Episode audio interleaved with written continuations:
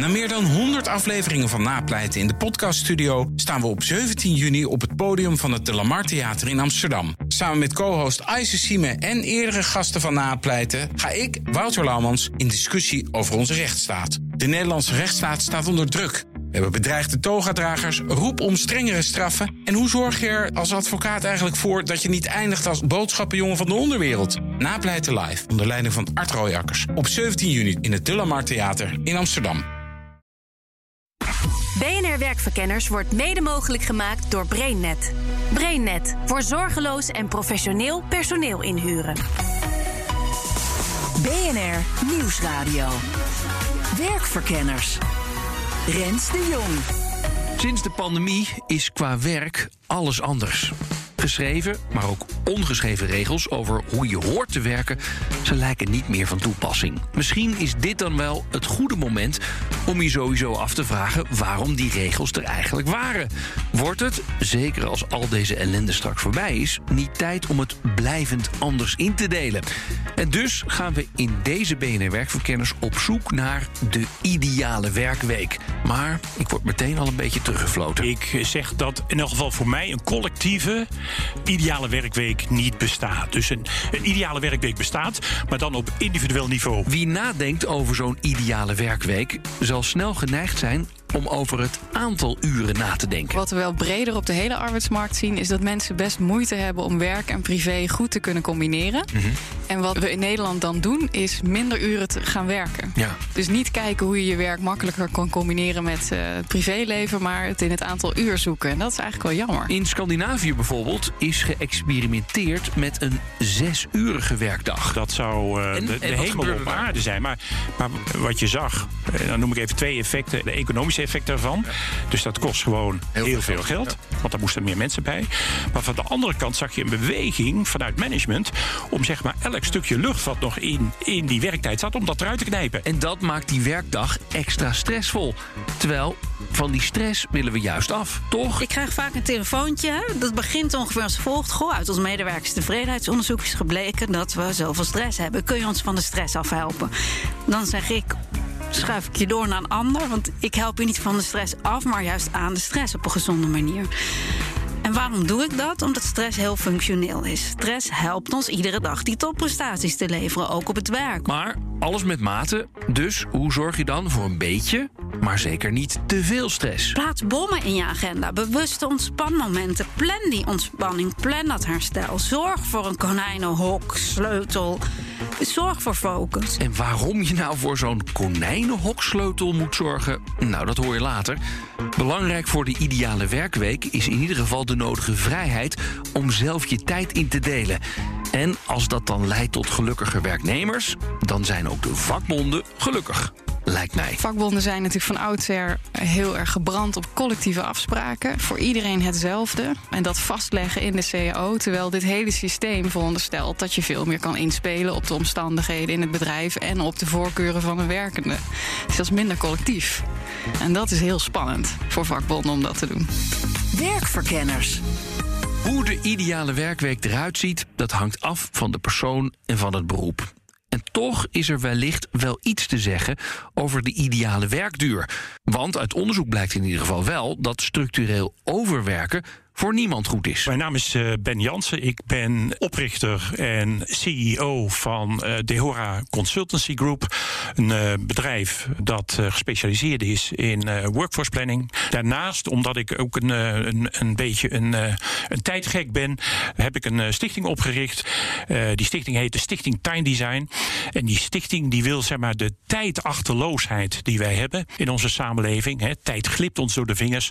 Veranderen in een tijdsbewustzijn. Hoe ziet een ideale werkweek er eigenlijk uit? Echt een, een collectieve werktijdregeling, arbeidstijdregeling voor iedereen eh, bestaat er reden eigenlijk niet. Een ideale. En waarom is dat zo, Ben? Nou, kijk, in de eerste plaats moeten we, als, als het gaat over eh, werktijdregelingen, want daar hebben we het eigenlijk over, een ideale werkweek. Kijk, heel vaak wordt er gesproken over alleen de arbeidsduur.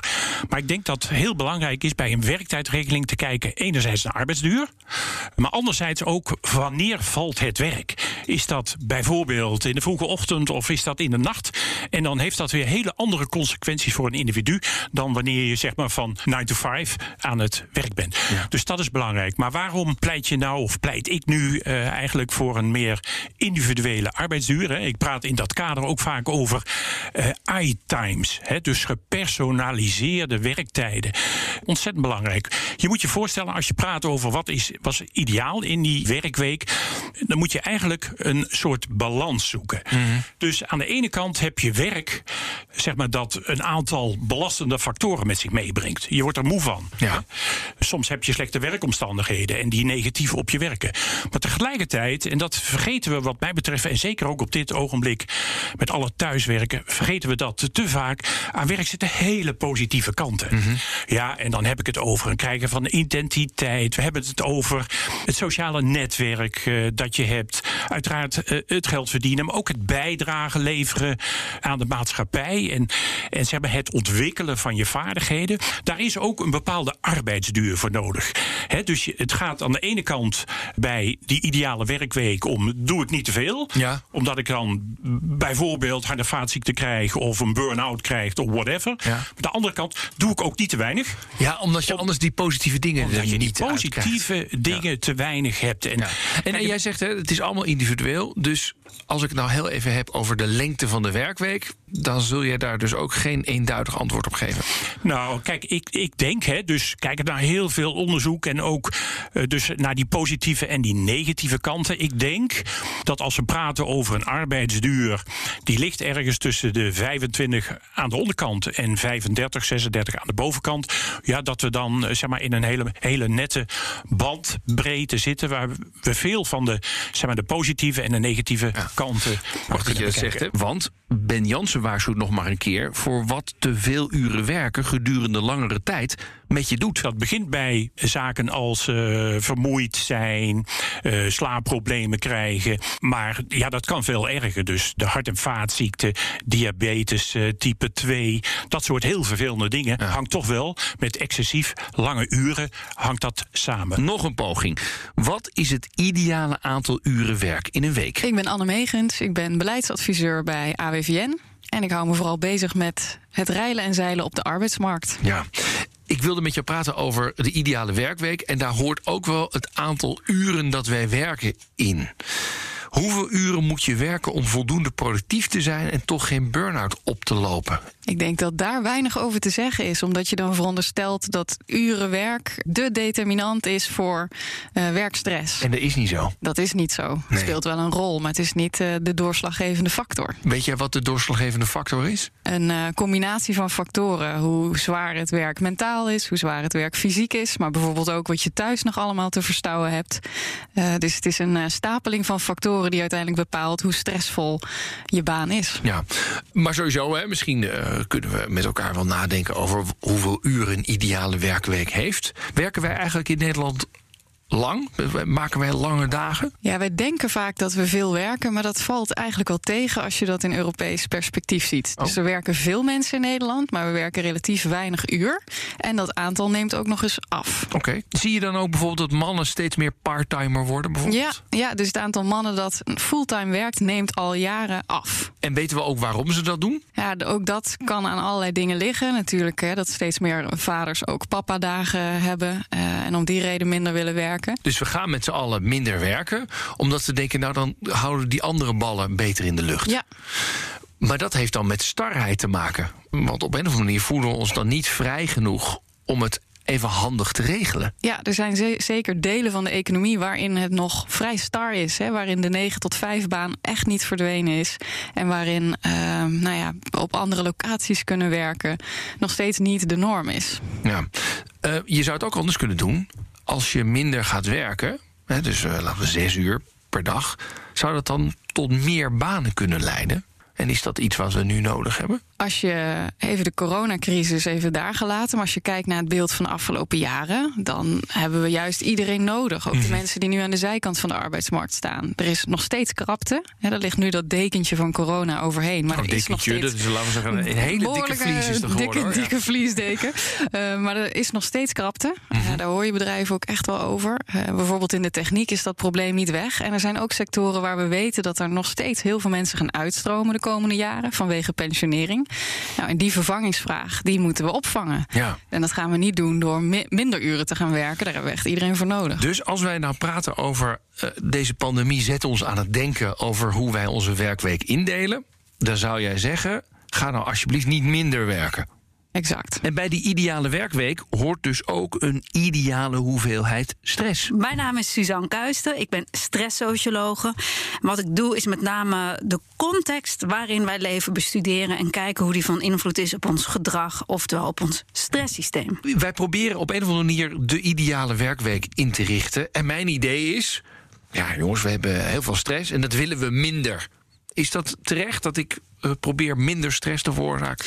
Deels wel. Stress is in beginsel heel functioneel. Stress is in feite eh, ons inspanningsmechanisme. Het maakt dat we een grotere inspanning kunnen leveren dan normaal gesproken het geval is. Dus als jij een belangrijke presentatie hebt, je moet een deadline halen, is ons stresssysteem daarbij betrokken. Maar wil je dat systeem gezond houden, moet je ook voldoende herstellen. Uh, want om die energie vrij te maken, wordt er nogal behoorlijk wat overhoop gegooid in je lichaam. Allerlei processen op een lager pitje gezet. En die energie gebruiken we dus om die topprestaties te leveren. Betekent dus dat we af en toe moeten lummelen, moeten luieren, moeten herstellen. om dat stresssysteem vitaal te houden. Oh.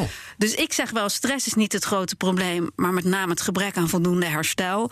Maar je voelt het allemaal aankomen. Je kan niet herstellen als je een enorme bak met stress uh, maar hebt die de boel gaande blijft houden. Goed, dus als we het hebben over een ideale werkweek, mm -hmm. dan zeg jij. Er moet dus lummeltijd in zitten. Bakken met lummeltijd. Oh, Rens, we zijn er slecht in. Oh, wow. Her, ons herstelvermogen is echt dramatisch slecht. Als je kijkt naar een topsporter, hè, die heeft een trainingsschema waarin hij heel hard traint, inspanningen levert, wanneer die weet, nu ga ik pieken en wanneer die moet herstellen. Mm -hmm. Hersteltijd is ongelooflijk belangrijk. Volgens mij is zelfs de regel in de sportwereld... wie het beste herstelvermogen heeft, ja. heeft de grootste kans op goud. Dus... En dat klinkt makkelijk, hè, lummelen, Rens. Mm -hmm. Maar dat is dus niet even een podcast luisteren... niet even op je social media. Lummelen is echt een beetje de pom-pidom-pidom stand. Heel weinig doen. Offline in ieder ik, geval. Ik zit echt met open mond naar je te kijken, want ik... ja... Welke werkgever? Er zijn een paar van die werkgevers die een paar leuke tafeltennistafeltjes neerzetten en zo. Maar dat, zelfs dat bedoel je misschien niet.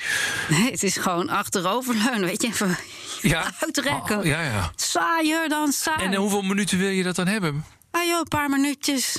Dan laat ja, je alweer enorm okay. van op. Ja, je, ja, moet, je moet ook niet doorslaan de andere kant op. Okay, dus een paar minuten is dit uh, gewoon echt Na even... 45 minuten, ongeveer drie minuten, even niks doen. Dat is ongeveer de richtlijn die verschillende studies aanhouden. Als jij die week zou mogen indelen en jij bent, jij hebt verstand van werkdruk. We hebben nu een soort van ooit afgesproken. We hebben een acht uur werkdag. Als we het nou allemaal opnieuw gaan inrichten, is acht uur dan een goeie? Nou, kijk naar uh, Zweden. Die zijn de uh, zes uur per dag gaan invoeren. Zijn ze een paar jaar hebben ze verschillende studies naar Ze zagen wel een kleine terugloop in psychisch ziekteverzuim, maar ook weer niet spectaculair. Uh, en de kosten waren nogal hoog, want je hebt meer mensen nodig om al dat werk uit te voeren. En ik geloof dat niemand nog helemaal de gouden formule in handen heeft. Mm, dus wat je zou denken, nou, zes uur is dan beter hè, voor het stressniveau, maar dat viel dus eigenlijk wel tegen in Zweden, begrijp ik. Wat we altijd zien, wat goed doen, is heel lang even uitgebreid lunches, zoals bijvoorbeeld in uh, Frankrijk doen, in Spanje doen. Dus dat je uh, de grote brokken werk een beetje opsplitst en uitsmeert. Straks moet nog blijken of die ideale werkweek die we nu bedenken ook echt een kans maakt. Misschien dat we door corona wel wat meer openstaan voor verandering. Ik denk dat door, door het hele corona gebeuren, ja, dat er een impuls is om een aantal transities zeg maar, in de arbeidsmarkt even snel door te zetten. Wat mij betreft is het dan toch wel van belang dat we bereid zijn ook met elkaar te experimenteren en te leren. Dat dus zometeen als we weten hoe de perfecte werkweek eruit ziet. Rens de Jong. Maar eerst moeten we de elementen die een werkweek ideaal maken nog duidelijker voor ogen krijgen. Want met alleen het aantal uren zijn we er niet. Hoe belangrijk is het dat we die uren zelf mogen indelen? Dat geeft de werknemer in ieder geval meer autonomie. Vaak betekent autonomie in het bedrijfsleven: uh, dit is je doel, maar verwachten dat je dit haalt. En hoe je dat doet, dat mag jij zelf invullen. Jij hebt die expertise. Dus A, het geeft je controle, er straalt vertrouwen uit in jou, je competenties worden maximaal benut. En we weten dat dat het stresssysteem enorm kalmeert. Autonomie, zeg jij, is dus heel belangrijk. Een ander ding is volgens mij, als wij een ideale werkweek moeten indelen, is dat we weten wanneer het klaar is. Ja. Oh, ik zie je meteen al van. Ja, nou ja, waar, waar, we natuurlijk ook niet zo goed in zijn met z'n allen, is dat er heel veel dossiers nog open staan voordat we gaan slapen. Nou, waar slaap voor bedoeld? Om allerlei dossiers te sluiten. Je brein gaat even in lockdown, zodat je de volgende ochtend weer heerlijk met gesloten dossiers verder kunt, nieuwe dossiers kunt aanleggen. We weten dat we te laat naar bed gaan, te weinig slapen, waardoor die dossiers onvoldoende gesloten zijn. Mhm. En je dus eigenlijk de dag al op achterstand begint met nog allerlei openstaande Maar dossiers. definieer even dossiers gesloten. Ja, dus al- werkzaamheden. Dus je bent met allerlei verschillende activiteiten klaar. bezig. Ja, je moet ergens een punt kunnen zetten. Ja. Want het is nu voor vandaag even klaar. Kortom hoor ik jou zeggen, als wij nou deze hele werkweek beter willen indelen, zorg er dan voor dat je eigenlijk elke dag die closure voor jezelf doet. Dit was goed voor vandaag. Zet punt in plaats van. Klaar. Het is goed genoeg. Maar op dit moment, nu we thuiswerken, is zo'n duidelijk begin- en eindpunt van de werkdag een stuk lastiger. Normaal stap je op de fiets naar je werk, in de auto, trein of je loopt naar je werk. Ik hoor regelmatig van mensen die gaan toch op de fiets naar hun werk, ook al is het kantoor gesloten, fietsen dan weer naar huis en starten dan hun werkdag. Dat meen je niet. Ja, je moet rituelen hebben Oh, wauw. om je brein te activeren en ook weer te deactiveren. En om dat punt ook heel helder te zetten, begrijp ik. Juist. Ja, ja. Je moet iets doen. Ja. En ja. we zagen natuurlijk voor de coronacrisis al dat privé en werk heel erg door elkaar heen vervlochten raken. Is er helemaal niks mis mee als je toch maar wel goed die grenzen bewaakt. Ja, toch, aan de andere kant vind ik het wel, ook weer als vrije jongen, best relaxed om het een beetje zo open te laten. Want ik ben, ik ben eh, nou niet een enorme goede eh, wakkerworder, zeg maar. Ik kan wel s'avonds wat langer door, zeg maar. En ik heb eh, nou, vanochtend ben ik om half negen gaan hardlopen tot half tien. Had mijn call om tien uur. Daarna heb ik nog wat dingetjes Oh gedaan. ja, weet je wel? je Dus eigen ritme bepalen Ja. zit ook autonomie in. Maar vergeet niet, hè, die coronacrisis brengt ook een drietal hele goede dingen met zich mee. En één daarvan is dat we veel beter aansluiten bij ons eigen bioritme. Ja, dat is natuurlijk wat je wil. Dat je niet meer door de wekker wakker hoeft te worden, maar echt uitgerust wakker wordt en aan je dag start. Ja, maar dat heeft ook wel mee te maken dat je dus misschien wel af en toe langer doorgaat. Dus minder is die- op zich dat niks om zes uur zet of om Ja, vijf uur maar zet. als zet je hem om acht uur, als je hem maar zet. Ja, ja, oké. Jij zijn nog twee andere dingen zijn er ook veranderd door de Nou, coronacrisis ten fear of missing out. Joh, heerlijk. Als jij eens lui op de bank ligt, hoef jij je niet rot te voelen dat er allemaal meldingen van je vrienden voorbij komen die spectaculaire dingen aan het doen zijn. Eh, en het tweede, we staan niet meer in de file. Ja, Nou, ja. zijn, maar ik bedoel, netto, netto, er zitten heel veel voordelen aan. Ja. Maar netto, netto wordt er een groot beroep gedaan op ons stresssysteem. Ook Anne Megens van de AWVN zoekt het optimaliseren van de werkweek in flexibele werktijden. Dus wanneer start je en wanneer stop je? Dat kun je veel makkelijker inrichten op basis van eh, wat jij nodig hebt in je privéleven. Dus om, een voorbeeld te geven, eh, ik sprak laatst met een werkgever. Die hebben nog vaste werktijden van 9 tot 5. Eh, ze kregen een medewerker die ze heel graag in dienst wilde nemen. Maar die meneer wilde graag zijn fulltime werktijd verdelen over vier dagen per week in plaats van vijf. Maar dat kon niet. Eh, was niet in lijn met de CAO, met de arbeidsvoorwaarden. Ja, en dan, is, dan heb je natuurlijk wel een situatie, is eigenlijk te gek voor woorden, dat dat niet kan, terwijl iedereen het graag wil. Ja. Nou, en dat zie je nog wel relatief vaak voorkomen, dat die afspraken zo in beton gegoten zijn, dat, het niet, dat we er niet uitkomen. Wauw. En hoe is dat afgelopen eigenlijk met die meneer dan? Ja, die is uiteindelijk toch voor niet een fulltime eh, dienstverband gegaan. Ja, dus en dat die- is dus weer dat effect. Ja, Dan gaan we het in de arbeidsomvang zoeken in plaats van flexibele werktijden. Zou- Zouden er andere knoppen nog zijn waar we aan kunnen draaien, zeg maar? Ja, ik denk ook dat ehm, eh, makkelijker kunnen switchen tussen functies bijvoorbeeld helpt om eh, mensen perspectief te geven. Want we hebben het heel vaak over burn-out, maar er zijn ook veel mensen die werkstress ervaren omdat ze bored-out zijn. Dat onderschatten we denk ik een beetje. Dus als je het hebt over voorkomen dat mensen nou, al die ballen niet meer in de lucht kunnen houden, geef mensen ook perspectief. Hè. Zorg dat ze energie uit hun werk krijgen. En dat kun je doen door te zorgen dat mensen bijvoorbeeld makkelijker van functie kunnen kunnen wisselen, van rol kunnen wisselen. Ja, wat ander perspectief binnen het bedrijf hebben. Ja, CNV zegt, wij willen graag een 30 uur werkweek. Hè? Jullie, zijn, jullie onderhandelen met zo'n bond. Wat vinden jullie als werkgevers daar dan van? Ja, dus niet over de hele linie vinden we dat een goed idee, dat dat de norm uh, in, uh, in Nederland wordt. Wat wij vooral zeggen tegen de vakbonden is: hoe kunnen we met elkaar voor zorgen dat dat werk wat niet goed te doen is in fulltime verband, omdat het bijvoorbeeld te zwaar is of te stressvol is, laten we er naar kijken hoe we dat kunnen verlichten. Mm -hmm. waar, waar, hebben jullie het dan over? In de zorg zien we dit natuurlijk het allermeest. Ja, daar zie je dat mensen uitstromen uit, uh, of eigenlijk helemaal geen fulltime dienstverband aan allemaal freelance, omdat ze dan denken: dan ben ik autonomer, kan ik zelf dingen indelen, ja, et cetera. Zit ik niet vast in die roostersystematiek? Ja. ja, dus dat is een. Uh, ja, je ziet die beweging naar het ZZP-schap, maar ook gewoon weg dat mensen zeggen: ja, meer dan die 28 uur per week trek ik helemaal niet. Nee. Nou, en daar ligt volgens mij de opdracht bij vakbonden en werkgevers om dan te kijken: ja, dat, dat mag niet de reden zijn om, uh, om 28 uur te gaan werken. Kunnen we het werk verlichten, aangenamer maken?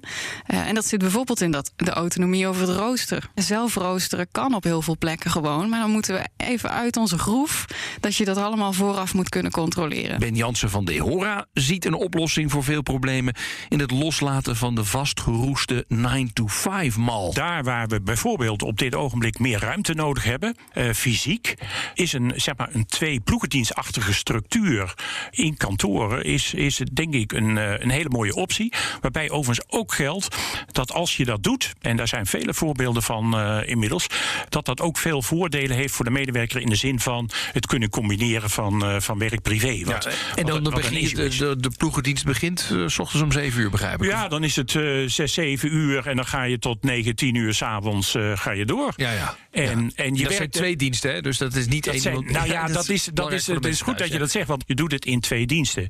En uh, ik pleit wel vaker voor eigenlijk een andere tijdstructuur van Nederland. Een nieuwe tijdarchitectuur, zeg ik dan. Ik heb daar recentelijk weer uh, een update gedaan van een onderzoek van wat levert dat nou op.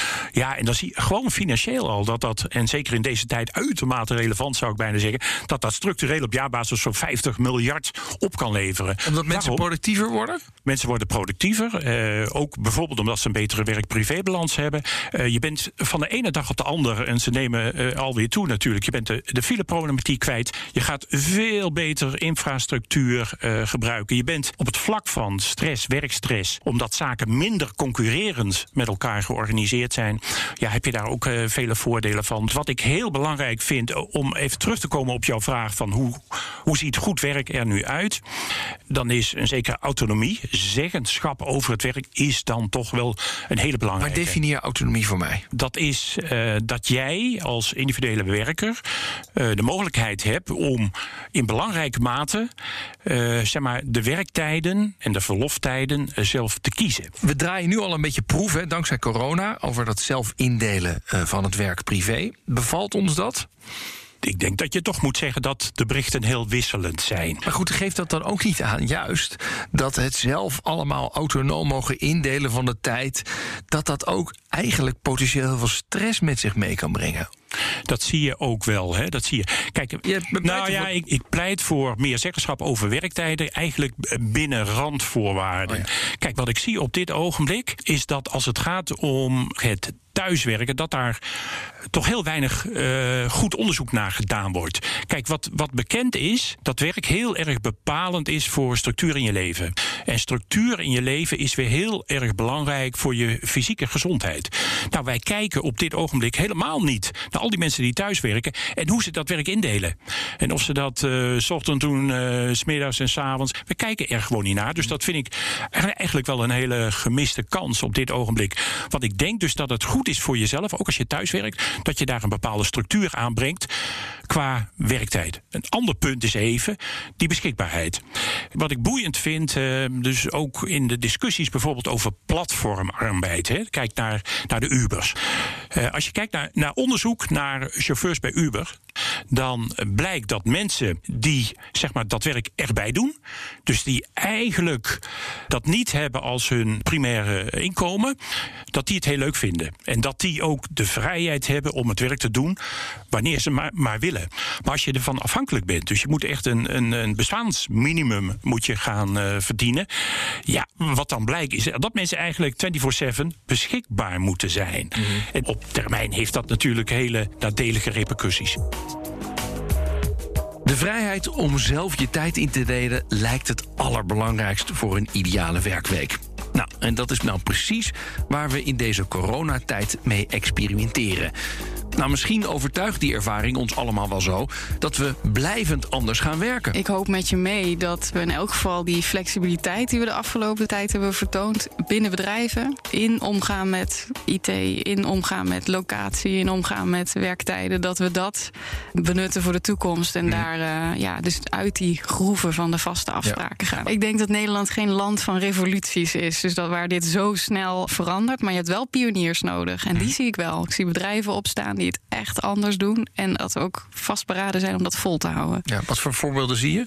Nou, bijvoorbeeld bij uh, de banken zie je dat ze toch echt anders zijn gaan denken over werken op locatie. En hebben ze hun systemen zo ingericht dat je ook bij de klantenservice kan werken terwijl je thuis zit. Ik ga wel mee met je punt dat we pioniers nodig hebben.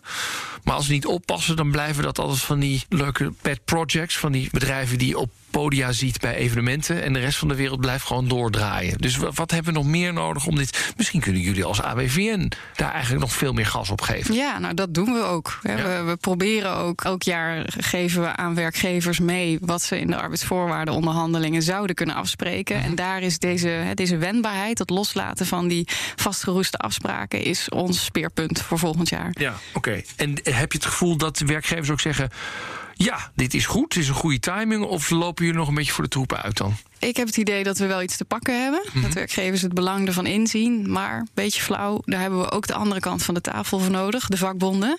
En die, die hebben nog wel wat overtuiging nodig. Ook Ben Jansen ziet om zich heen dat nog niet iedereen overtuigd is. Een aantal bedrijven, ABN AMRO en Shell, zijn wel met dat soort dingen bezig, weet je wel. Maar mensen vinden ja, toch helaas dat 9 to 5 vinden ze, vinden ze toch cruciaal in onze samenleving. Doe dan eens nog één pitch van 30 seconden. Waarom moeten we deze tijd grijpen om bijvoorbeeld die tijdsbesteding en die flexibiliteit daarin nu anders te maken? Nou, als je kijkt naar de huidige tijdsbesteding, de wijze waarop wij werken, dan brengt dat enorm veel tijdschade met zich mee. En ik denk dat wanneer wij naar een ruimer jasje uh, gaan, waarin wij onze economische activiteiten organiseren, een beetje een tweeploegendienstachtige structuur, dat we zowel op het financiële vlak met, met 50 miljard structureel winst, maar dat we ook veel gelukkiger worden. Dus we gaan met een nieuwe, nieuwe tijdsstructuur naar een veel gelukkiger samenleving. En ook Suzanne Kuisten gelooft niet dat we door corona allemaal helemaal het roer om willen gooien. Nee, kijk, we hebben ook heel veel last van ingesleten patronen. Wat ik zeg, hè, die, de context waarin wij leven is een soort van kolenrood. Blijf die druk op die prestatie maar opvoeren.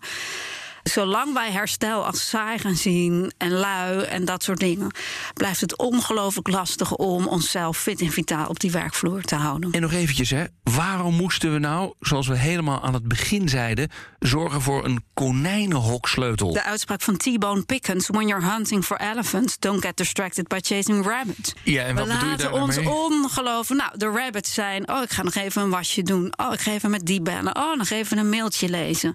Oh, nog even dat artikeltje. Al die dingen waar nog even dit, nog even dat. Kost ongelooflijk veel breincapaciteit. Ja. En dat leidt ons een beetje af van de taak waarvoor we staan. En we hebben de neiging om onze hoofdtaak te mixen met allerlei fijne, plezierige andere taken. Ah ja, oké. Goed. Het is moeilijk om in het algemeen iets te zeggen over de ideale werkweek als het gaat om het aantal uren. Maar als je er dan iets over moet zeggen, dan ligt het aantal ergens tussen de 25 en 35 uur.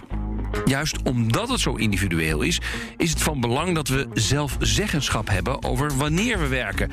Dat geeft een gevoel van autonomie en dat maakt het makkelijker om werk en privé te combineren. En als we daardoor wat gespreider over de dag gaan werken, dan levert dat de gehele samenleving ook veel op in euro's, in minder vervuiling en minder files. En we willen niet te veel last hebben van stress, maar daar juist optimaal van profiteren, want stress is ook goed. hoorden we eerder, dan moeten we wel vaker hersteltijd inplannen. En dat kan al door regelmatig even drie minuutjes achterover te hangen en te lummelen. En zorg dat je voor jezelf duidelijk hebt wanneer je werk begint en wanneer het eindigt. Dat kan met rituelen, zoals even naar het kantoor heen en weer fietsen. Uh, maar eigenlijk kan alles als je aan het einde van de werkdag maar duidelijk een punt zet. Nou, dit was BNR Werkverkenners voor deze week. Volgende week dan krijg je weer een verse op dinsdag om half vier. En in je podcast-app kun je hem op ieder moment terugluisteren. Tot de volgende keer. Ik ga even drie minuten uitrusten. Dag. BNR Werkverkenners wordt mede mogelijk gemaakt door BrainNet. BrainNet voor zorgeloos en professioneel personeel inhuren. Ook Hugo Reitsma vind je in de BNR-app. Superhandig die BNR-app. Je kunt alle programma's live luisteren, breaking nieuwsmeldingen. Je blijft op de hoogte van het laatste zakelijke nieuws. En je vindt er alle BNR-podcasts, waaronder natuurlijk de belangrijkste, Boeken zijn in de wijk. Download nu de gratis BNR-app en blijf scherp.